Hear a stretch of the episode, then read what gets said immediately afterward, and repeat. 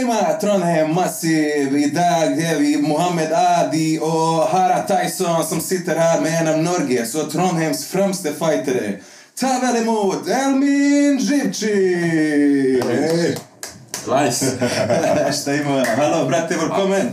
Velkommen. Vi må jo starte der, vet du, når vi har en sånn toppfighter med oss. altså. Vi må jo starte først der. Mohammed Ali versus Mike Tyson. Hvem velger du? Det er litt vanskelig.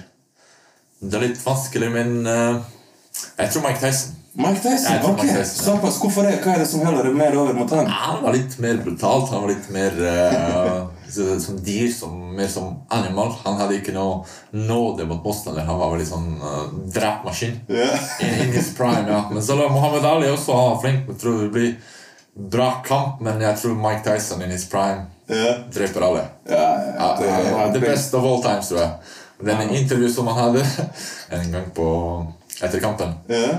I'm the best ever. There's, there's no one has been as ruthless. There's no one like me. I'm, I'm from their cloth. ja, når han skulle spise barna til han Ja, ja, ja, ja. Jeg tenkte kanskje på den gangen det- Med kona, ja. Når han drev og strøk henne i nakken, liksom. sånn Man ser nothing wrong. Mentaliteten hans, det var, det var, Fordi han var blitt eh, hypnotisert som barn. Han var helt eh, gal når han gikk inn i ringen. Det var, det var som drap, som du kan se. Det er jo som å slippe et, slippe et dyr med kraftpakke som bare Ja. slenger løs å drepe det fortest mulig. Og måten han, liksom den store Fokkos, den falt ned, det var virkelig et Jeg synes det er fascinerende. Jeg, så, jeg har sett den her dokumentaren hans, Theisen-dokumentaren. Når han snakker om at så like før han skal inn i ringen, og mentaliteten hans, og hvordan han vet liksom at han allerede har vunnet når han ser motstander i øynene, og klarer på en måte å bedømme ok, jeg blir å ta han, liksom. Og at han ser at motstanderen har allerede tatt måten han ser han på, liksom, før han starter. Psykologisk, ja. Det er psykologisk, ja. Og han er veldig bevisst på det òg. på ringwalken. Så hadde han eh, håndkle over, over hodet, gikk sånn her veldig bevisst og målretta. Og folk var ja.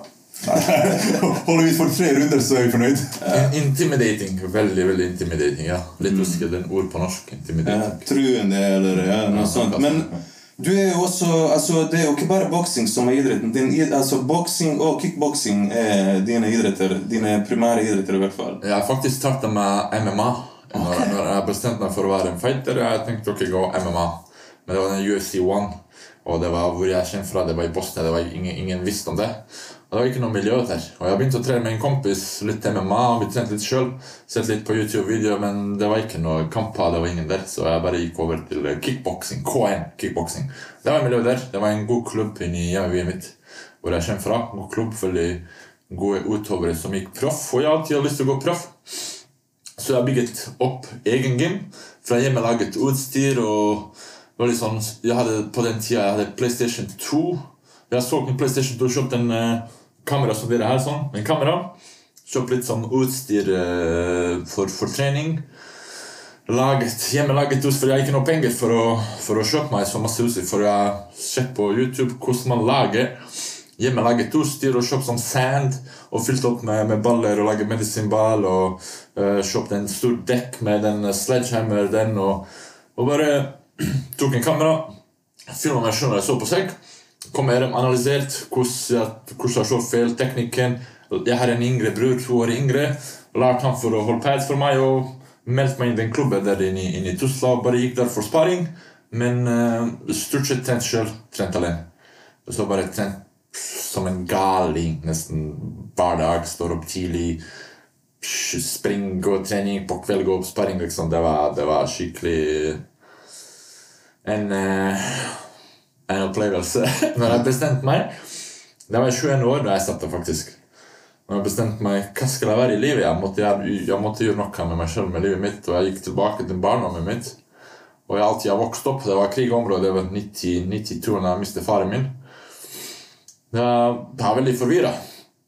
Og min største frykt som barn har vært for å gå i slåsskamp. Det var min største frykt som jeg hadde. Men jeg, jeg vet ikke Og unconsciously Jeg tålte ikke den følelsen. Jeg tålte ikke Og jeg bare gikk slåsskampen. Slåsskamp etter slåsskamp på, på gata nesten hver dag. Nesten hver. Vi spiller basket på, på slåsskamp. Fotball, slåsskamp. Hele tida. Og når jeg var 21 år, da liksom, hva skal jeg gjøre med livet mitt? Jeg liksom sagt opp jobben min jeg hadde. og bare sitter sånn på rommet, mister alle deadlines for, uh, for uh, utdanning. og hver dag hvor jeg var sammen med Java, så skjedde det meg som jeg, ingenting. Hva skal jeg gjøre med livet mitt? Jeg bare tenker Hvem skal jeg? Jeg kan ikke bare bruke min tid på denne måten. Og det er bare Jeg husker den dagen bare hjernen bare hopp, gikk Hva skal du med livet? Du må gjøre noe. Og bare gikk til barndommen. Hva liker du? Og jeg bare gikk til barndommen. Ok, du liker idrett? Men hva, du trent basketball? Du ender opp i slåsskamp. Du var begynner å løp i slåsskamp. Du likte å spille Tekken, Street Fighter. Jeg liker slåssing. Jeg har alltid likt å se på slåssing også på, på TV. Og så, Kanskje du kan være en fighter? Og det bare føltes veldig sånn ekte for meg. Så, å ja. Og det bare, jeg hadde en bilde jeg går inn i kamper. Jeg hadde bilde liksom Ser meg selv inn i ringen. Jeg liksom Vi har bare sett meg selv som fra tredje person. Så jeg føltes veldig ekte. For. Så, ja, ja, kanskje jeg kan være en fighter? det. Og jeg bare lastet ned en bok fra internett. Og leste ned hvordan fighter burde trene. Og jeg leste ned og liksom uttalte meg sjøl hvordan man burde trene. ikke sant? Og jeg leste og bare gikk laget, hjemmelaget gym, og jeg bare hadde en vision. ok, jeg skal gå denne veien. Men jeg har også tenkt ok, hva etter det? Hva når jeg er ferdig med For det kan ikke gå for alltid. Og jeg sa, hva etter det? Ok, jeg hadde et mål. Ok, jeg skal starte her. Og hvor mange? 10-15 år? Oppnå så beste resultater som jeg kan.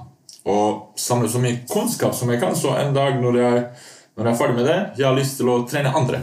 Jeg har lyst til å trene for å coache, og det føltes enda mer ekte for meg. Så det var min, egentlig min uh, true calling i coaching. Jeg elsker coaching, så jeg var på en måte heldig at jeg selv fra starten på en måte jeg, jeg trente meg sjøl og andre samtidig. Og alltid, hvis jeg kunne lært noe fra noen jeg alltid liksom ta det imot. Hvis det er aha, alltid prøvd å samle så mye kunnskap som jeg kunne for kampspill. Yes, så det var min, eh, min start. Og som jeg sier på slutt Det er ikke hva du får. Dette hvem, handler om hvem, hvem vi blir. ikke sant? Og jeg var en eh, person som hadde veldig lav selvtillit. Jeg vokste opp uten farfigur. Jeg hadde ikke noe far i livet mitt. Mor har alltid jobbet. Og jeg var veldig forvirra. Jeg kunne ikke Og kampsport faktisk reddet livet mitt. Det slett- det bygget meg opp den personen som jeg er i dag. Og jeg er veldig takknemlig til selv om det var ikke lett, det var ikke enkelt.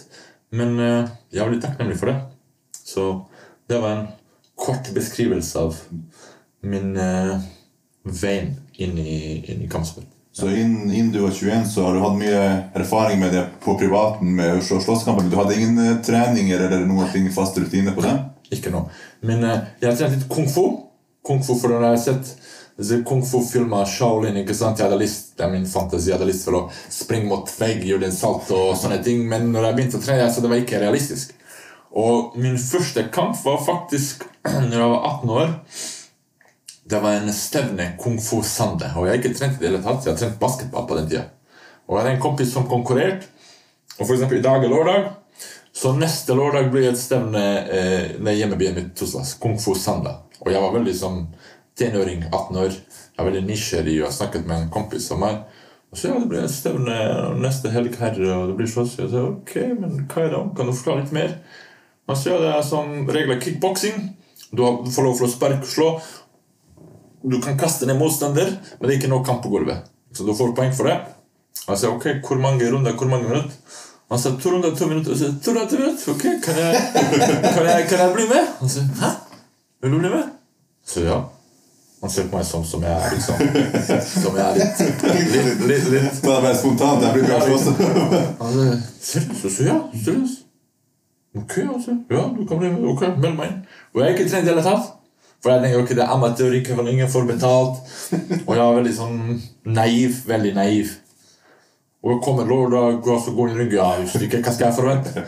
Og jeg går inn i ringen, jeg ser på han motstander som jeg skal slåss med, han ser på meg sånn. Veldig liksom. Jeg ser på han liksom, jeg ser ned på gulvet, liksom. Hvorfor han sier, jeg, Hvorfor han du på denne måten? Og runde starter, han går mot meg som en maniak. Og jeg kunne ikke forsvare, jeg kunne ingenting. Hodet mitt har vært her. Sånn. Og da jeg bare følte hans energi mot meg, hans intensjon Hvilken intensjon har han mot meg? Det har bare kjent den. Og bare, jeg bare følte noe fra, fra min, fra min her fra tår. Bare pff, Noe bare tok over. Klikka. Og det var en krig der. Og jeg vant den kampen, alle var overrasket. Og jeg overraska meg sjøl òg. Og det har lykt en følelse liksom, Oi, det har lykt liksom, da har jeg funnet adrenalin. Så, ja. Og det har jeg begynt å trene litt kung fu. Satse, men jeg sa det var ikke realistisk. Og det bytta over til K1 kickboksing. Det var miljøet der. Så det var, og da gikk jeg gikk en del kamper. Jeg gikk akkurat nå jeg gikk over 100 kamper totalt. Både amatør og profesjonell. Så det var en Var det lokalt for det meste, eller var du i utlandet også? Noe? meste Først, når jeg starta, det var som bosnisk ikke sant? Stevner som NM her i Norge. ikke sant? Statlig inn i, inn i Bosnia. Først måtte jeg vinne. Og jeg vant nesten alle kamper der. Vant uh, inn, inn i Bosnia nesten alle kamper der. Og da gikk VM for Bosnia. For, jeg har vært på landslag også i Bosnia, og gikk VM og EM i Bosnia. Og gikk mest internasjonalt. Det var mest internasjonalt kamper. Jeg gikk over, over hele Europa. I Tyrkia, Slovakia, Czech Republic eh, Rundt hele Europa. Så Tyskland Jeg var i Tyskland 2012. Jeg skulle signere en proffkontrakt for fem år med Remi Bonjaski-team. ikke sant? Det var en coach der, bosnisk coach. Men eh, jeg gikk fire kamper der i tre måneder. Siden vi hadde ikke noe visa. Vi kan bare være tre måneder. Og gikk fire kamper og vant en eh, K1 profesjonell tittel i Tyskland. Det var 2012. Og jeg skulle signere kontrakt for fem år, men etter jeg har sett hvordan jeg jeg ble behandla At jeg bare ser meg som eh, hvor mye penger den, den kan tjene på meg For meg det var liksom Nei. fordi For meg er det viktigere at hvilken relasjon vi utvikler med, med coach og fighter, enn hvor mye penger vi tjener. Fordi ok, den karrieren skal gå kanskje fem år, ti år well, Du never nå, ikke sant? Du kan bli skada, men hva det blir etterpå, for meg det er viktigere. det, ikke sant? Hva slags type relasjon skal vi bygge opp med hverandre? Og sånn. Og måten jeg har sett for, meg, for dem det er viktigste penger, hvor mye penger det er kanskje Jeg bare her, vær så god, belte. Jeg går min vei. Så, og den veien tok meg hit til Norge, faktisk. Ok, men Hvor lenge har du vært i Norge? Nå har det vært syv og et halvt år, cirka, ja. Såpass, det det er ikke noe lenge det i forhold til hvor mye du har klart å bygge opp karrieren din her i Norge i løpet av den korte tida. Ja, det var en opplevelse det òg. Når jeg kom ut her i Norge, det var 2015. Det var en coach fra Litauen faktisk som hadde gode kontakter rundt, eh, rundt Europa for å finne proffkamper for meg. Men noe skjedde til han. Han uh, endte opp i hadde noen problemer med loven her. Så jeg måtte bare gå amatør. Jeg gikk for landslaget i Norge to år. Jeg var landslaget i Norge to år og har samlet veldig mye erfaring der, selv om den stil som her uh, gjennomføres i Norge, det var ikke min stil, egentlig. Full kontakt med den lange, lange buksa, det var ikke min. Jeg kommer fra K1-bakgrunn. Det er veldig likt boksing, denne stilen der. Og jeg sa ok, det var min eneste mulighet. Jeg har lyst til å gå. Ok, jeg sa ok, jeg prøver å lære fullkontakt. da. Og der jeg satte meg inn, jeg så at full er veldig likt boksing. Da jeg flyttet til Trondheim. Men Trondheim det var ikke heller miljø for K1, men det var miljø for boksing. Og jeg begynte å bokse med en uh, herre bokser fra Namsos. Han heter Simen Isater. Han var proffbokser i Norge, en av de beste her. Veldig flink. Og når jeg kom fra kickboksing så når han bok, når han finter meg og liksom gjorde sånn Hva skjer det her? Jeg har aldri, aldri sett noen sånn. Og jeg visste ikke hvordan skal jeg spille, så jeg måtte sette meg inn i for å studere litt boksing. Og sjekka litt på YouTube og hvordan folk forklarer. og bare sett meg sett noen boksekamper og bare trent uh, trent sjøl på å finne litt rytme. Og da vet du hva, vokser jeg Og liker boksing bedre enn en K1, enn kickboksing. Boksing liksom Nå har jeg angret at jeg ikke startet med boksing fra, fra, fra dag én. Så det var det. Men uh, det gikk fint. Gikk noen boksekamper òg, så liksom hvis, hvis du har et mål det var ikke liksom, Ok, det er ikke noe K1-miljø. Ok, jeg slutter nå. Nei. Jeg er fighter, jeg har lyst til å gå. Uansett, så jeg prøvde alle stiler. K1, full kontakt, boksing. Så jeg gikk. Og det var alltid stå, stående. Og det har utviklet meg selv ganske, ganske godt. Og lært veldig mye. Jeg har lært veldig mye eh, for, min, for å videre, føre det videre til andre utøvere som, som kommer nå. Jeg, jeg sier at jeg kan faktisk hjelpe disse, disse utøvere som kanskje satser på å ha lyst til å være fighter, som prøver å gjøre noe med sin karriere. Så det var en god opplevelse, det òg. Ja, Da har du allsidig kunnskap til å forskjellige typer eh, greiner. Men eh, hvordan eh, endte du konkret opp i Trondheim? Hva som fikk deg til, til Trondheim? Kjærlighet. Ja, det er ikke bare fighter, men en lover også. Jeg og møtte en dame her og flyttet hit og vi blitt kjent. Og jeg var veldig forelska. Ja. Og det var en opplevelse hun hjulpet meg masse med private ting utenfor kampsport. Og hun var en veldig sterk dame. Og jeg hadde ikke noe coach her, ikke sant? Og når jeg går kamper, hun blir med meg på stevne. Og hun blir inni, inni hjørnet mitt. ikke sant? Det var en opplevelse også. Og jeg skriver ned på, på et ark papir hva skal hun fortelle meg inni hjørnet. Og vi kommer på et stevne, bare jeg og hun. Og vi bare finner folk og bare spør noen Hei, kunne du liksom hjelpe å være i hjørnet mitt? liksom, Vi har ikke noe coach. Og hun blir med meg. Og personen bare kommer og gir meg vann. ikke sant? Og, hun bare, den som har skrevet den, hun forteller meg. ikke sant? Fordi jeg bare tenker motivasjon kan jeg kjempe for, for, for min gutt, for min bestefar, for å gjøre dem stolt. ikke sant? Jeg bare for meg selv, for å gjøre andre folk stolt fra, fra livet mitt. ikke sant? Hun bare Ok, hos det, derfor, derfor, derfor og hos det. Og det hjelper på masse. Og når hun skriker fra ringen, så det, det var en opplevelse. Det ble kjærlig. Du bare, det er for en god kos!' Så det var, ja, det var en opplevelse. Ja. Er en spesiell dame, ja. Så hvordan er treningshverdagen din? Nå, jeg, jeg liker å trene på morgenen. Når jeg prøver å timere meg. Ofte jeg står opp sånn halv seks-seks. Rett på trening og tar dagen fra den. I dag har jeg trent for en podcast klokka ti. Så en helgen klokka ti-elleve. På kveld når jeg og Det spørs hvis jeg eksempel har en uh, dato for kamp. Om det blir for en kamp om en-to måneder. Da jeg øker min uh, intensitet med trening. Jeg trener oftere enn jeg trener, men ellers jeg trener nesten, nesten hver dag. Jeg fire-fem ganger i uka, i uka ellers. Holder meg i form. Så you never know. Plutselig kommer en uh, tilbud for kamp eller noe sånt, og vi har blitt klar. Siste gang det skjedde, når jeg gikk den bare knuckle boxing tournament i Polen. Ja, det var nå like før jul. Ganske nylig. Riktig, ja. Og det var, det var en opplevelse òg. Kommer en De ringer meg en uh, manager fra Danmark. Eh, det blir Han sier om, om en måned en turnering i Polen. Så ok, hvis det er om en måned, greit, da. Og det gikk med samme kveld. Det, er, det blir om ti dager. Altså, oh my God, ti dager. Og jeg, jeg, jeg idiot, jeg ikke understreker hva var jeg, jeg, jeg trodde det var liksom Ok, Brian Akkold, du har den bandasjen, og liksom, den her blir dekt, ikke sant? Jeg sa ok, let's go. Jeg har ikke opplevd det livet også. Det er på tide. Ja, jeg har lyst til å liksom gå Det er 80 mann tournament. Altså, det blir eh, fire runder, to minutter. Om det blir ikke avgjort, femte runde ikke noe begrenset tid, inntil eh, enten dommer stopper hjørnet eller blir knockout. Så den der, det er ikke noe Du kan ikke vinne med poeng. Der må det bli liksom stoppage. Da må det bli stoppage. Jeg sier ok, count me in, let's go, fuck it. Og da jeg hva var det, jeg sa oh my god. Da fant du ut hva Bjørn Knuckle Ja, jeg har sagt ja til. Jeg sier det var veldig brutalt. Folk blør. Og så, oh my god, altså. Og det er åtte mann turnering. Det blir tre kamper på en kveld. På én kveld. På en kveld tre kamper. Ja. Oh. Og det var ti dagers varsel. Som jeg sier, oh my god. Jeg sier ikke. siden jeg allerede sagt ja, let's go.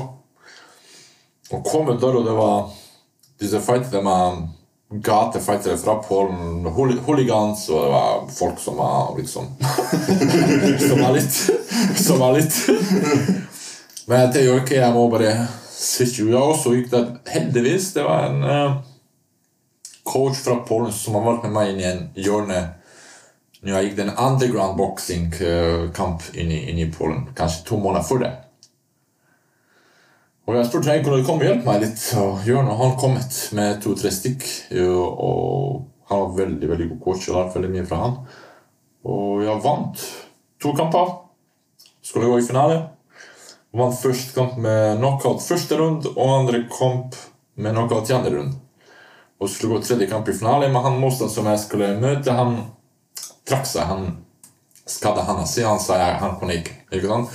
Selv om jeg var også skada. Ikke sant? Ja, min, min herr har vært liksom brått, min biceps det var Liksom, ok, altså, det var ikke mye problem. Da jeg enten finner meg noen andre her for å gå imot. Jeg gikk ut. Hei, folkens, han har skadet seg. Kan noen andre gå mot meg? Av, av andre fightere som var på samme kveld. Ja, så han eh, som du skulle slåss mot, han kunne ikke, Han kunne ikke. han kunne ikke delta i finalen. Og så ønsker du å slåss med andre i finalen. Akkurat, eller vi synger da jeg vinner. Men den liksom, hun skal lage finale om liksom en måned. Det var 3. mars nå som skal bli den finale, men jeg vet ikke om jeg skal bli med siden det er be Måten vi har blitt behandlet der også, jeg likte ikke det.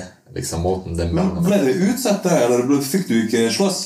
Nei, fordi han trakk seg, og yeah. ingen andre ville møte meg, så de sa vi kan lage finale om liksom om en måned. Og så hadde jeg bare tull. Men jeg skjønner det også, det er business. Jeg er ikke blitt promotert der. Det var en stor organisasjon der i, Polen, og det var ti dager, så jeg plutselig bare dukket opp fra noen plass. Hvem han der? Ja, de forventa ikke at du skulle komme så langt. ja, akkurat. Det forventet ikke ikke. De trodde sikkert at jeg blir knust der. og liksom ti dager Ja, du skal bare være full på turneringa for noen andre å, til å beseire. ja. Ja. Så det var noe, en opplevelse. Og, man lærer veldig mye av det her. Jeg har lært veldig mye om meg sjøl og om mennesker generelt. Og man blir veldig kjent med seg sjøl. Altså, tenker, hvordan- hvis du aldri har vært i en slåsskamp, hvordan kan du bli kjent med seg sjøl og hvem du er? og ikke sant? Hvordan du reagerer på stressfulle situasjoner og, og, så, og så videre. Så man må bare ha den bulletproof uh, mindset, på en måte. Men når du har gått igjennom det nå i noen år, så vet du på en måte hva du klarer å levere, og du vet hva du står for mentalt sett.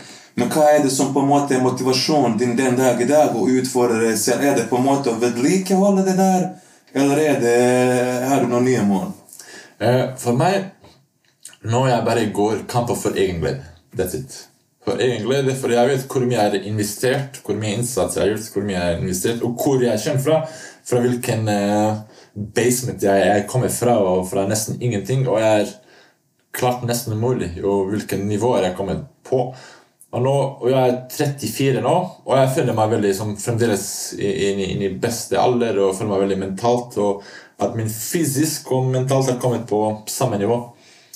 Så jeg tenker hvis det kommer tilbud for flere kamper igjen, at jeg går kanskje to-tre kamper til, og to-tre år til, og det sitter ferdig med saken. Og klar som, så best som jeg kan, men kom proff. Jeg gå kom profesjonell som bare knuckle, underground boxing, profesjonelle kamper osv. Jeg vil ikke gå mer amatør. Jeg er ferdig med amatør. Så jeg går kun for egen opplevelse. That's it. Så det, du tenkte å prøve eksempel thaiboksing? Jeg prøver en kamp, men jeg liker ikke thaiboksing. Det er alt- altfor mye clenching. og liksom, jeg, liker, jeg liker action, jeg liker slåssing. Jeg den, og den musikk, den ja. Nei, jeg tror ikke det. Jeg, så heller bare knuckle enn thai fight. helst, helst, helst, helst det. En bosnier. det stemmer. Du, eh, du, du bruker å være ofte i Polen. Du har vært der på underground, du har vært uh, bare knuckle. eh, det er stort fighting-miljø i Polen. I Polen det er veldig stort fighting-miljø, faktisk. Ja, det er, polske folk liker å slåss, og jeg elsker å slåss mot polske folk. Dem, er liksom, går, og dem skal De gjør det med hjertet. De, gjør det, men de går i krig, og jeg liker den. Jeg liksom, let's go! Let's go! De liker å slåss, og jeg liker den mentaliteten som de har. Og jeg har alltid likt meg. Så også jeg gikk på landslaget i Norge, eller når jeg gikk på landslaget i Bosnia, og gikk mot, polske, det blir alltid bra kamp. Det blir alltid bra Det blir entertainment. Det blir det. ja. Så Vi var, altså, for eksempel, eh, vi kom jo lenge før det. Vi kom på 90-tallet. Og når vi kom hit til Norge, vet du, den tida var vi kanskje den, en av de første gruppene som eh, kom i litt så større antall her i Norge. Og da var det som barn, altså, da var det mange som skulle utfordre oss. Teste hvor sterke vi er. Så vi mange, uansett om du vil eller ikke, måtte gå gjennom slåssinga. Men jeg lurer på, er det sånn at for eksempel, det er mange som vet hvem du er nå, og du har nådd en viss nivå. Er det mange som på en måte utfordrer deg fortsatt? Og jeg tenker ikke på det profesjonelle, men jeg tenker på sånn street fighting. Når du er ute, for og sånn at folk utfordrer deg bare fordi de vet at du er sterk, og at du eh, Jeg har ikke opplevd det, faktisk. For jeg går ikke ut så ofte her. Jeg gikk ut tre-fire ganger her. Og jeg har ikke opplevd noe sånn. Folk er veldig respektfulle og, og har ikke noe problem. Jeg tror at folk som er usikre i seg selv, prøver å gjøre noe sånn.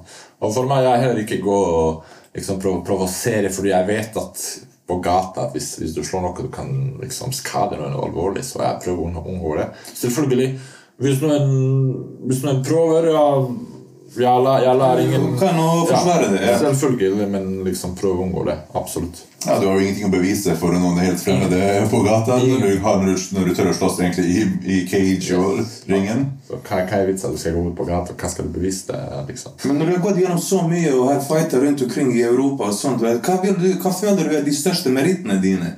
Hva er dine største oppnåelser? Uff. Det er litt vanskelig å velge, liksom.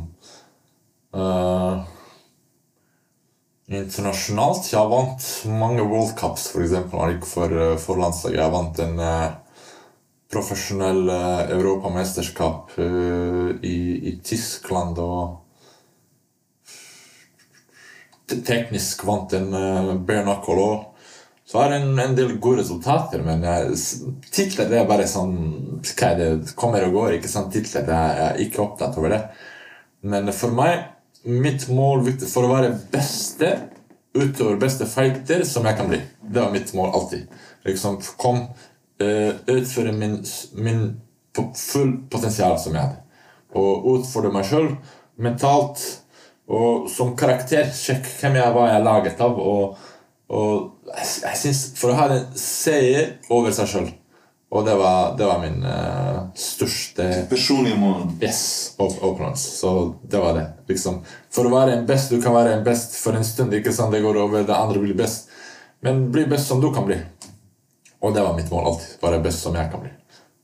Ja, For du har jo også vært eh, nordisk mester òg. Jeg har vært nordisk mester, norgesmester både boksing og kickboksing. Ja. Yes, nordisk og norgesmester. Ja, riktig. Skandinavisk, ja. Det var det.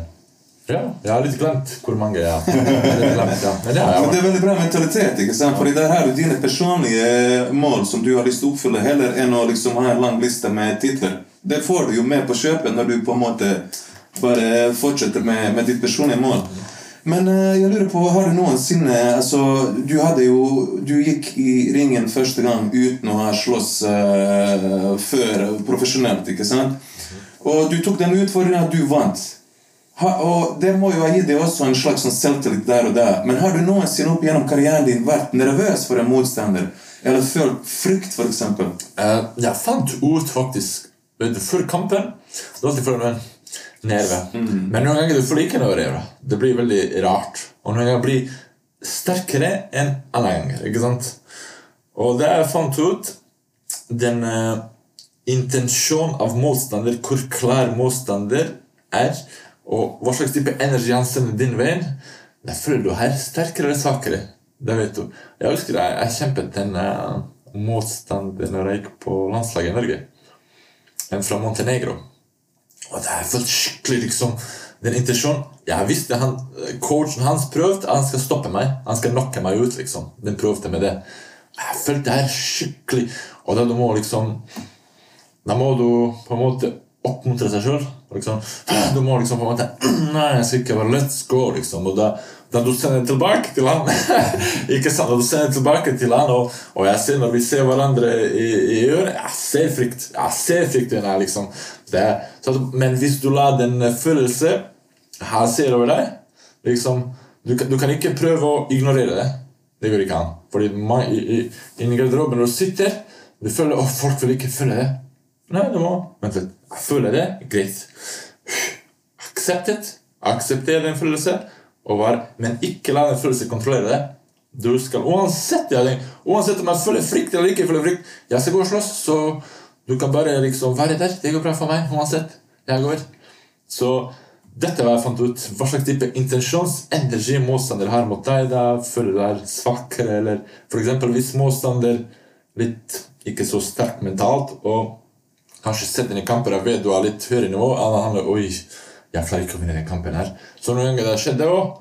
Jeg går jeg går inn i gikk amatør, ikke sant? fordi jeg før amatør gikk proffkamper også, og man, man kan søke meg. ikke sant? Og jeg, men noen som har ikke for eksempel, så masse erfaring Du kan se for, for i ringen, du kan se liksom det var Det blir liksom Det blir redd. Og ofte det var min veldig stor feil.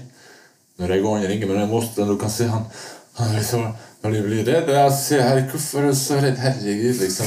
Det Vi skal bare slåss! vi det er ikke det er liksom pistol eller noe. Så jeg, så, og jeg, tenker jeg ok, jeg skal bare gjøre nok for å vinne. liksom. Gjør nok for å vinne. Og hver gang jeg taper Hver gang jeg tar oh, ja, du, du går ned et par prosent? Ja, liksom, ok, jeg skal være liksom, jeg, liksom Jeg vet ikke hvorfor jeg er liksom sånn. liksom, liksom. Det er den lover-delen din som gjør det. Hver gang jeg tar Hver gang. Og da etterpå jeg sa ok, jeg kan ikke ha det. Liksom, jeg må være mer eh, mer uh, her. Ja, men jeg liker hvordan altså, du brukte det der altså, eksempelet, hvordan du bruker for eksempel frykt til din fordel. For det er jo den eh, følelsen man må ta. Så man må utfordre seg selv, og så bruke det, de svakhetene til sin fordel. Men ikke minst også at eh, når man er såpass proft nivå det er Hvis man går ned et par prosent, så man ikke er like fokusert og ikke tar sin A-game, så taper man seg mot dårligere motstandere. Akkurat det. Spesielt hvis du går, for eksempel, Det er veldig kjent i, i, i kampsport. Når du går til uh, motstanderes terreng. ikke sant? Hvis du går gjest, da, da må liksom, må virkelig stoppe han, knocke han. Men hvis du går til avgjørelse 95% du taper den. Uansett hvis du har bedre enn noen. 95 Du må stoppe han, eller du må liksom ødelegge han helt. ikke sant? Så da må du være Og det var, var manglet, ja. En coach med meg En coach med meg som kunne liksom meg opp. Jeg hadde en veldig god coach når jeg var i Tyskland, og jeg vant alle kamper med knockout. Stoppage. Og han, våk, han klarte å våkne inn i meg den, den eh, Ja, den, han våkner inn i meg. han ser det også når du er litt ufokusert. Akkurat det, og han var veldig sånn Når han skriker fra hjørnet, liksom, måten han sier det, liksom, du våkner inn, i- deg liksom, du blir Men ofte jeg går alene inn i ringen. Jeg har ikke noen for å, for å si meg For meg, ok, grei coach, men hva slags type person er du? Og for meg er viktigere hva slags type person er du enn en, en, en coach. Du kan være en beste coach i verden, men som person Drittperson. Akkurat det. Så for meg Du er bra coach, bra jobba, full respekt, lært en del fra deg. Alt godt i livet hadde gått bra. That's it. Men eh, sånn, eh, jeg syns det er veldig interessant det du nevnte, at du vokste opp uten far. Hvor mye tror du det har vært eh, det påvirket deg som en fighter?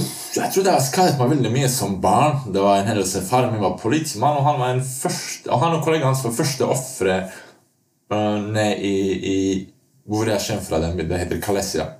Så før, før krig starta, det var en si, deklarasjon av krig til Bosnia.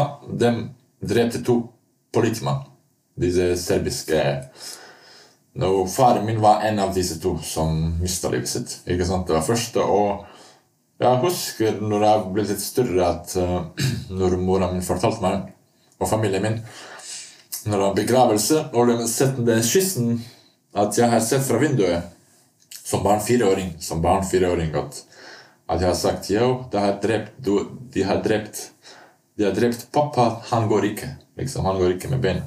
Og som barn jeg vet det, det skadet meg masse fordi eh, det var en stor katastrofe. ikke sant? Hvor, hvor mye liksom at eh, det var en helvete. ikke sant? Hvor mye gråting hadde vært, og, og så videre. At jeg som barn måtte beskytte meg selv, så jeg bare suppress den, eh, den realiteten her helt, helt bak. Gjennom hele barndommen. Jeg kunne ikke tenke på det. Hvis noen har navnet faren min, det blir så vondt for meg. Jeg, jeg, jeg kunne ikke jeg ikke takle det. Jeg, jeg kunne ikke. Jeg bare kunne ikke. Det var veldig vondt for meg. Den realiteten at når jeg trengte han mest i den, den liksom Han, han forsvant. Og uh, gjennom oppveksten min Jeg kunne ikke tenke på det. Jeg, jeg prøver bare å ignorere det. Men det, det har vært alltid der. Det har vært alltid vært som en, som en dark uh, energy eller noe sånt. Så når jeg var hans alder, når jeg var 27, og han mista livet når han var 27, der jeg, der jeg begynte å konfrontere den, eh, den side, den realiteten. Og jeg, prøv, jeg husker jeg, jeg sover, og det bare kommer De dreper faren din. De dreper bare våpen. Og det blir sånn, hjertet blir sånn på denne måten. Og det var, det var en vanskelig måter på en måte være egen far. Fordi mor er mor, far er far. Ikke sant? Fordi mora kan ikke lære deg å gi deg den hva far kan lære ikke sant? Og det går motsatt. Far kan ikke gi deg den omsorg og kjærlighet som mor kan. Og mor kan ikke gi deg den styrke som far kan. Så jeg måtte på en måte Jeg har alltid sett farfigur i andre folk ikke sant, å, som, som barn, i venner, eldre venner, noe sånt, men eh, det var ikke det. Jeg var veldig naiv og blitt utnyttet masse, og jeg var veldig, veldig, veldig naiv. Veldig naiv. Så jeg måtte bare bestemme meg. Det er ingen andre for å hjelpe deg, for å, for å redde deg. Nei, du må, du må gjøre det sjøl. Så jeg bare begynte å lese sånn self-help books. Uh, og altså, hva jeg mangler? Ok, jeg mangler selvtillit. Ok, hva? Ok, gå og bygge opp din selvtillit. Og hva vil jeg mangle da? Gå og gjør det. Alt som jeg var redd av, det gikk på en måte. Så det er litt mirakel i dag at jeg lever fremdeles, men eh, alhamdulillah. Nei, for det, jeg synes det er veldig Jeg, tenkte, jeg fikk sånne assosiasjoner til det når du nevnte tidligere at du hadde mista faren din, og så nevnte du det der med trenere og sånn. ikke sant? For jeg tenker at ofte i sånne situasjoner så søker man en farsfigur, kanskje i de som har litt sånn eh, autoritet i ens eget liv. Men uh, allikevel, jeg synes det er veldig sånn fascinerende at du klarte å komme deg over den knekken, for det er veldig mange som opplever de samme utfordringene som du opplever, som mangel på selvtillit, uh, mye av de greiene, men allikevel så klarer de ikke å reise. Altså, folk kan lese så mange selvbøker, selvhjelpsbøker de vil, men allikevel så klarer man ikke. Og jeg synes det er sånn veldig fascinerende. Jeg tenker sånn, Hva var det når du tok de stegene der, hva var det sånn at du følte på en måte ok, det her er med på å hjelpe deg? Du klarer faktisk å bygge deg opp. Som, som du sier, det handler ikke om, om omstendigheter. Det er hva, hva vi laget av. ikke sant? Det er en god quote. The same boiling water that uh, softens the potato, hardens the egg. It's not about the circumstances, it's what you're made of. ikke sant? Så det er hva vi har inni oss. ikke sant? Og det er Jeg vet Jeg er veldig liksom Jeg visste ikke hvem faren min så jeg var aldri blitt kjent med han. Men etter jeg spurte litt hvordan han har vært, og måten han har vært med hans karakter Han har vært som Special Forces, Special Police og når uh, den hendelsen det skjedde, står på internett alt beskrevet ikke sant, hvordan det skjedde, og han uh, gikk med sin bare hands for å ta våpen av han som drepte kollegaen hans først. Han prøvde å ta, liksom, han var veldig modig mann. Veldig, han hadde uh, stor hjerte, og han var veldig, ja, veldig snill, veldig god, hjulp, hjulpet språket. Jeg har liksom understreket litt hvordan, hvordan han har vært for å bli kjent bedre med meg. Og jeg sa ok, faren min var det, da, da jeg må være det. Og ikke sant, Vi har alltid like som soldateting. Og, så jeg er en hva si, kriger, warrior. Jeg har det inni meg. Og det er ok, dette var meg her. Og jeg skal leve som en kriger for uh, så langt som jeg kan. That's it. Peaceful war. Og prøve å hjelpe seg selv først og fremst, og hjelpe andre hvis du, hvis du klarer det. Så. Hadde du lyst til å gjøre eh, familienavnet stolt? At, eh, Yes, ja, for jeg har gjort, selv om jeg har gjort mye kaos også til familien min, stakkars mora mi, men det gikk bra til slutt. Jeg tror Jeg vet de er stolt over meg. Jeg vet jeg er, jeg er klart. øh, en, øh, liksom Jeg har klart veldig mye. Og jeg er også stolt over meg selv fra hvor jeg kommer, hvor mye jeg har klart. Men øh, jeg skal prøve fortsatt. Jeg, jeg skal ikke prøve, jeg skal fortsette. Jeg skal gå videre. Jeg skal gå videre, så det er liksom Som de sier eh, Eneste limitation som vi har, er vi som vi setter for på oss sjøl. How do you wanna be remembered? Ikke sant? Måten du ønsker å bli husket på. Så Det er liksom jeg spør meg selv ofte. Hva slags type person du ønsker å bli. Selvfølgelig, det er ikke alle kan huske deg på samme måte. og det er ikke, du kan være du kan ikke glede alle sammen, og en person skal fortelle deg at du er den type andre skal fortelle deg at du er kanskje en drittsekk, men uh, så lenge du vet hvem du er inni seg, spiller det mener. Så mm. ja, man er trygg på seg sjøl, og man kan ikke tilfredsstille alle sammen. akkurat. Man prøver å være en god person og, så, og ha gode intensjoner, så får folk tolke som de ønsker. egentlig. Akkurat det. Jeg er veldig opptatt for hva skal folk tenke om meg. ikke sant? Og det var en hendelse som jeg tror at eh, endret det veldig, veldig inni meg. Når, eh, når, jeg, når jeg nesten døde i bilulykke. Jeg kjørte tilbake fra det var morgen, klokka fire-fem på morgenen. Og jeg kjørte nesten før jeg skal komme hjem. Det går bil kanskje 150 km per time direkte inn i meg. Direkte inn i meg. Og det er en veldig rar opplevelse. Jeg bare, hopp, du dør. Du bare blir ok med det. Hopp, du dør. Ferdig. Det er ferdig med det. Du er liksom ferdig med livet. Og du liksom blir pissfri på en måte. Og jeg var helt over jeg skal dø på den. fort. det gikk sånn. Så livet kan, kan liksom ende med blink av en deg. Og jeg vet ikke hvordan den bilen Jeg er ikke grazed. Det er ikke grazed. Og jeg går hjemme Jeg går inn i Jeg går på trappa, og jeg bare tenker Se her, alle sover. Broren min sover, mora mi sover, hele nabolaget sover. Og jeg kunne vært død. Hvorfor er jeg så opptatt? Hva skal andre folk mene om meg? Jeg kunne mista mitt liv på denne måten. Og kanskje de vil snakke Å, stakkars han var det, han var det, han var det. Og livet går videre. Mens du er på jorda, kan bli, kan bli bare sørget til din familie, mora di, broren din, din familie, din nærmeste. Altså, herregud. Hva faen feiler meg? Hvorfor er jeg opptatt så mye? Hva skal andre tenke om meg? Og det er etter det litt Det har vært endringen i, i Switchen, liksom. Ja, switchen. Yes. Her skjønte man ikke hva som er prioriteten. Yes, akkurat det, ja. Mm. Jeg har alltid sett andre folk, liksom ven, venner, såkalte venner, som jeg hadde nede i foran min familie, foran min bror min, foran mora mi. og- Men eh, det gikk bra til slutt, heldigvis. Heldigvis. Ja. Mm, men det er fordi vi familie først. Det er alltid familie først. Yes, vet du. Det er det man må ha. Yes. Men uh, i dag er du jo blant annet også trener for yngre, yngre barn og ungdom som, eh, som eh, Er det innenfor boksing eller kickboksing du trener? Eller begge deler? Begge deler. Begge Det er begge deler. deler. Jeg holder, jeg holder treningene der på Det er en klubb som heter Evolve Academy. Um, MMA. Mange av disse fighterne som kommer, du kan se at de har opplevd har opplevd noe i livet, ikke sant? Og du kan se at du kan prøve å bygge dem opp bygge dem opp som personer, gjøre dem sterkere for, for videre. Hvis du kan gi dem en god råd, hvis de har noen problemer i livet med, med hva som helst, hvis jeg kan bidra eller hjelpe, jeg, jeg blir der for dem. Så. Hva er det største rådet du har eh, til dem? Eller hva er det første du har lyst til å lære eh, de folka der? At de har nok selvrespekt for seg sjøl. Fordi mange som kommer der, du kan se at de leter etter noe. De har litt sånn litt dårlig uh, self-esteem. Hva heter det? Selvtillit. Selvtillit. ikke sant?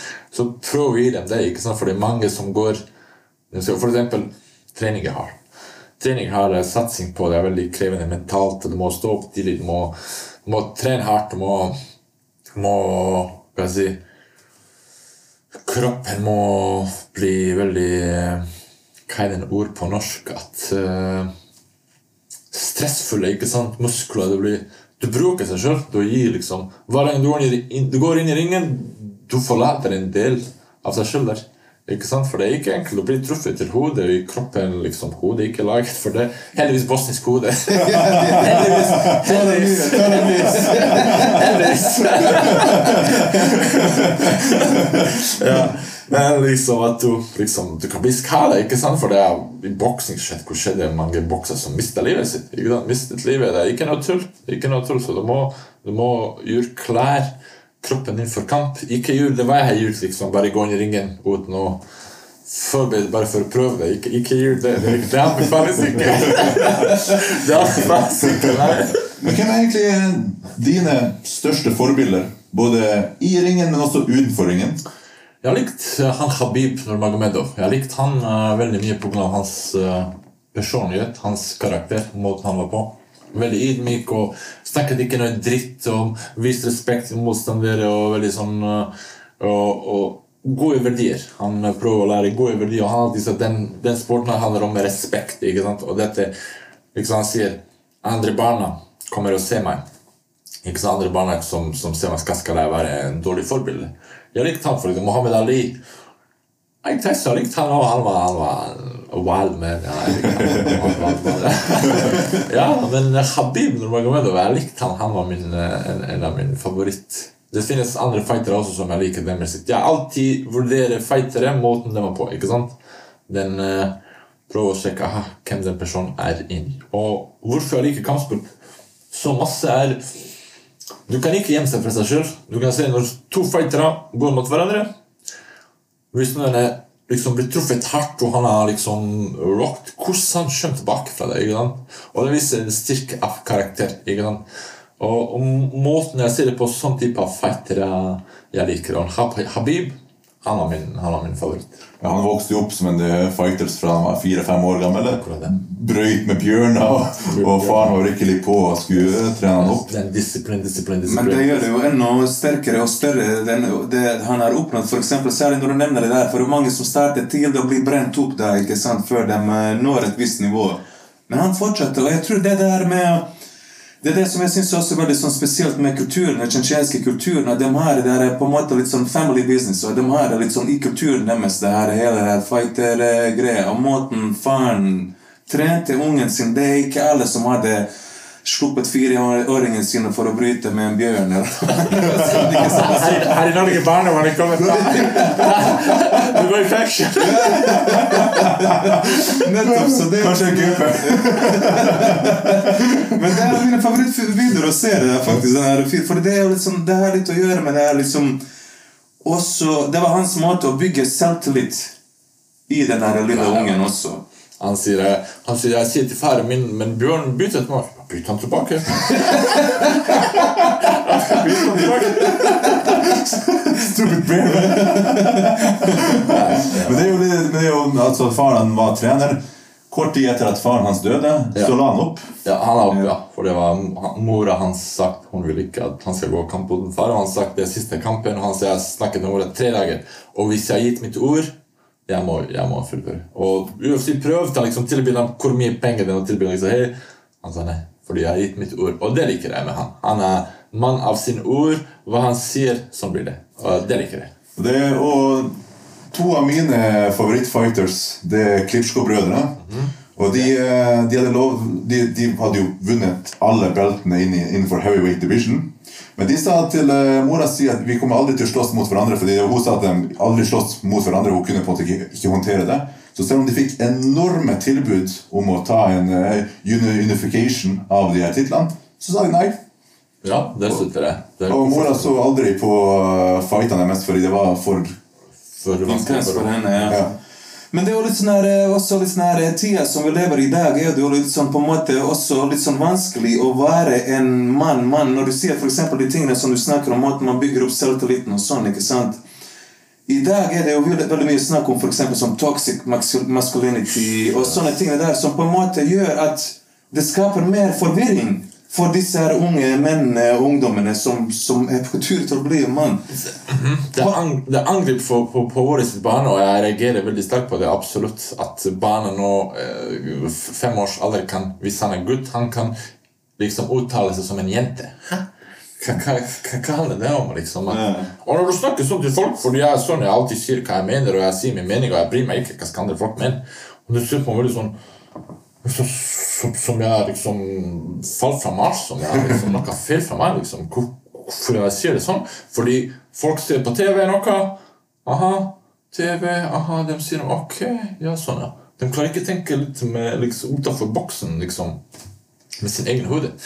Demokrati, folkestyre, betyr folkestyre. Men det er ikke det! IRL, det er bare ok på folkestyre. Men folk her, hva som helst såkalt myndigheter sier Aha, ja, ok. Ja, ok. Hva er jeg med? Påbud med munnbind. På hvordan kan du bestemme hva skal jeg ha på min ansikte?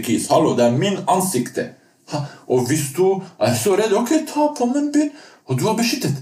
Du er beskyttet. Du er beskyttet. Og hvis du ser andre folk uten munnbind, hvorfor har du problemer med det? Du beskyttet. Folk bare angriper på folk. Også vaksinasjon. Jeg aldri tok noen vaksine. Aldri. Aldri mitt. Og folk ser på meg sånn Nei, nei, det er min kropp! Det er min kropp! Det er det er min jeg reagerte mest på, egentlig, når, eh, når, altså når, når man har fått såpass mange doser vaksiner, og folk kunne frivillig velge jeg har lyst til å ta det eller ikke. Altså når de kunne velge De som har lyst, vær så god. Det er Men, eh, jeg likte- ikke når jeg ble pressa på hele tida at de som ikke tar vaksine, er de som ødelegger for samfunnet, hele tida får skylda for at det er lockdowns osv. Når det er egentlig eh, politikere som ikke har greid å gjøre jobben sin, som har gjort at det er lockdowns. Fordi de ikke, Sånn som det som er aktuelt nå om dagene med, med, med sykepleiere osv. Altså de, så vi har gått en stund siden covid, og det er ikke blitt noe bedre situasjon for sykepleierne, som var på en måte heltene sammen med lærerne. De har ikke fått noe belønning for, for covid. De har fått noe applaus. Og, og det er det. Sånn at eh, politikere må kanskje gjøre jobben sin først, istedenfor å legge skylda på, Men ingen på folk. snakker om den vaksineskade, hvor mye folk blir skada av vaksine, og hvor mange folk nå plutselig død, plutselig død, plutselig Og alle fokus nå på andre ting, krig i Ukraina, eller aha, la oss blame Putin, og priser gikk opp, matvarer, drivstoff, alt går til helvete. Men ikke lønn. Ingen ingen, ingen har høyere lønning, vet du. Ikke sant? Så det er samme, kanskje lavere. vet du. Litt Men Nei, du kan ikke snakke om det, du kan ikke si det. Nei, nei, nei. Det, det er ikke bra, det. Nei, nei. Og noe annet som, eh, som på en måte provoserer meg når det kommer fra myndighetene, det er jo lærere. og, og i, Vi hadde streik i, i sommer, og det var flere andre streiker og flere andre bransjer som hadde streiks. Men det er sånn her, når, når regjeringa synes at streiken har gått langt nok, nå bryter vi inn. Nå er jeg tvungen lønnsnemnd. Ingen, vil- altså, ingen får jo noe ut av det. De har vært streik i, i stund. altså Folk har på en måte ikke tjent noe som helst penger på det. Men når, når, når regjeringa syns det er nok, da en måte bryter inn, og så Men men i Norge er det ikke tradisjon for at folket protesterer. Det er det som er så fucked up. De eneste som benytter seg av det, det er de som brenner Koranen og sånn Sian. Hva heter de der eh, de, de der folk? Ja, det er Sian, tror jeg. Ja, Sian og sånn. Det er de eneste som utnytter seg av den greia i Norge. Ingen andre! Så når det var covid, når det var nå for eksempel, det er ikke sant, høye strømpriser, når det er alt det her med at ting blir dyrere ikke sant? Man finner masse grunner for hvorfor det er sånn, men ingen får hjelp. Og i dag blir skillene større og større mellom de som ikke har noe, og de som er rike. ikke sant? De flytter til Sveits. de flytter adressen sin til Sveits. Og det det, det som er litt sånn her eh, rart i Norge, at man bare tillater det. Og ikke minst, altså, nå på at vi hadde en ny, ny regjering nå et par år. Det er altså, same shit. Enda verre, kanskje. Jeg, jeg, jeg personlig føler det enda verre, fordi det er jo prisen har gått opp, og alt det der blir mye negativitet. Men hvis du snakker sånn om sånn Nei, du har toxic maskulinitet. Ikke sant? Og akkurat det var den prøver. Den prøver å drepe oss menn. Ikke sant? Menn ordentlig. Menn som, som tør gå imot urettferdighet og korrupsjon. Ikke sant? Og som har lyst på en samfunnsdebatt. Ja, men ikke sant, i demokratien Beklager, for jeg skal bare si selv, så i demokratien En av de største tingene er jo freedom of speech. Å kunne ha muligheten til å si faktisk det man mener. Og vi trenger ikke å være enige. Vi, kan være, altså, vi er sikkert tre folk her med tre forskjellige hoder med tre forskjellige meninger, og det skal være plass for det. Problemet er at det skapes en sånn klima ute nå som, som ikke tillater at det er forskjellige meninger. Og straks du har litt forskjellige meninger, så blir du satt i bås og kategori. Og det er en måte også til å ta makt vekk fra mennesker, ikke sant? Og bare sånn eh, eh, Rett og slett eh, gjøre dem eh, svakere i, og gjøre den meninga svakere. Så da blir det sånn skip eh, som du snakker om, de her sauene i den der samlebåndgreia. Nettopp altså man eh, plasseres i en kategori. Eksempel hvis man eh, har tatt andre vaksiner opp gjennom livet sitt som har vært her og eksistert i flere, eh, mange, mange år, og så nekter man eksempel for å ta covid-vaksinen, så blir man sett på som antivakser. At du er plassert i den eh, kategorien der. Eh, selv om du bare ikke vil ha den Du er ung, frisk dame eller mann og vil ikke ha For andre, andre, mange andre er vaksinert, men du føler, føler ikke at du trenger ta den vaksinen her. Så blir du sett på antivakser, selv om du kanskje hadde mange vaksiner tidligere. Så det, med en gang du sier noe som er mot det folk flest bør tenke, i anførselstegn, så, så er det på en måte sett rart på. Men eh, sånn i forhold til fighting sånn uh, Uansett gren, uansett uh, liksom uh, årstall og sånn Hva hadde vært sånn drømmematchupen drømme-matchupen din for å se liksom på TV eller live? Oi, ja, godt spørsmål, det. Mener du i dag eller generelt? I, I dag, men du kan bruke fightere gjennom historien. Hvem du vil, hvis du vil bruke noe. Det spiller ingen hvilken. like, Boksing, kickboksing Du kan mikse. Du kan mikse. Du kan gjøre Det er drømme-matchup. Ja, ja, ja. Det kan være Habib mot uh, Muhammad Ali eller Mike Tyson. Habib, Habib tar alt. Han min mot alle. Oi, jeg har ikke tenkt Det var et godt spørsmål, faktisk. Hvem jeg likte, for eksempel. Før uh, på den tida har det vært uh, Fjodor Emelianenko, ikke sant? Jeg ville ikke sett han mot uh, han John Jones. Fjodor med den prime. Fjodor mot John Jones. Jeg syns det ville være en, en bra, bra matchup. Det er to beist som denger løs på hverandre. Ja, så Prime Fjodor Fjodor Emelianenko fra, fra, fra den tida og John Jones syns den, den ville være en veldig bra kamp. Nice. Yes. Så nå på slutten bruker vi ha litt sånn uh, shoutouts. Altså, hvis du har lyst til å sende ut en hilsen til noen der ute, så kan du gjøre det nå. Hilsen til alle gode, sterke mennesker uh, som ønsker godt for seg sjøl og godt for andre. Stor respekt. Let's go, champs. Er Perfect message. perfect message. Tusen takk for at dere fulgte med. Peace out, party people!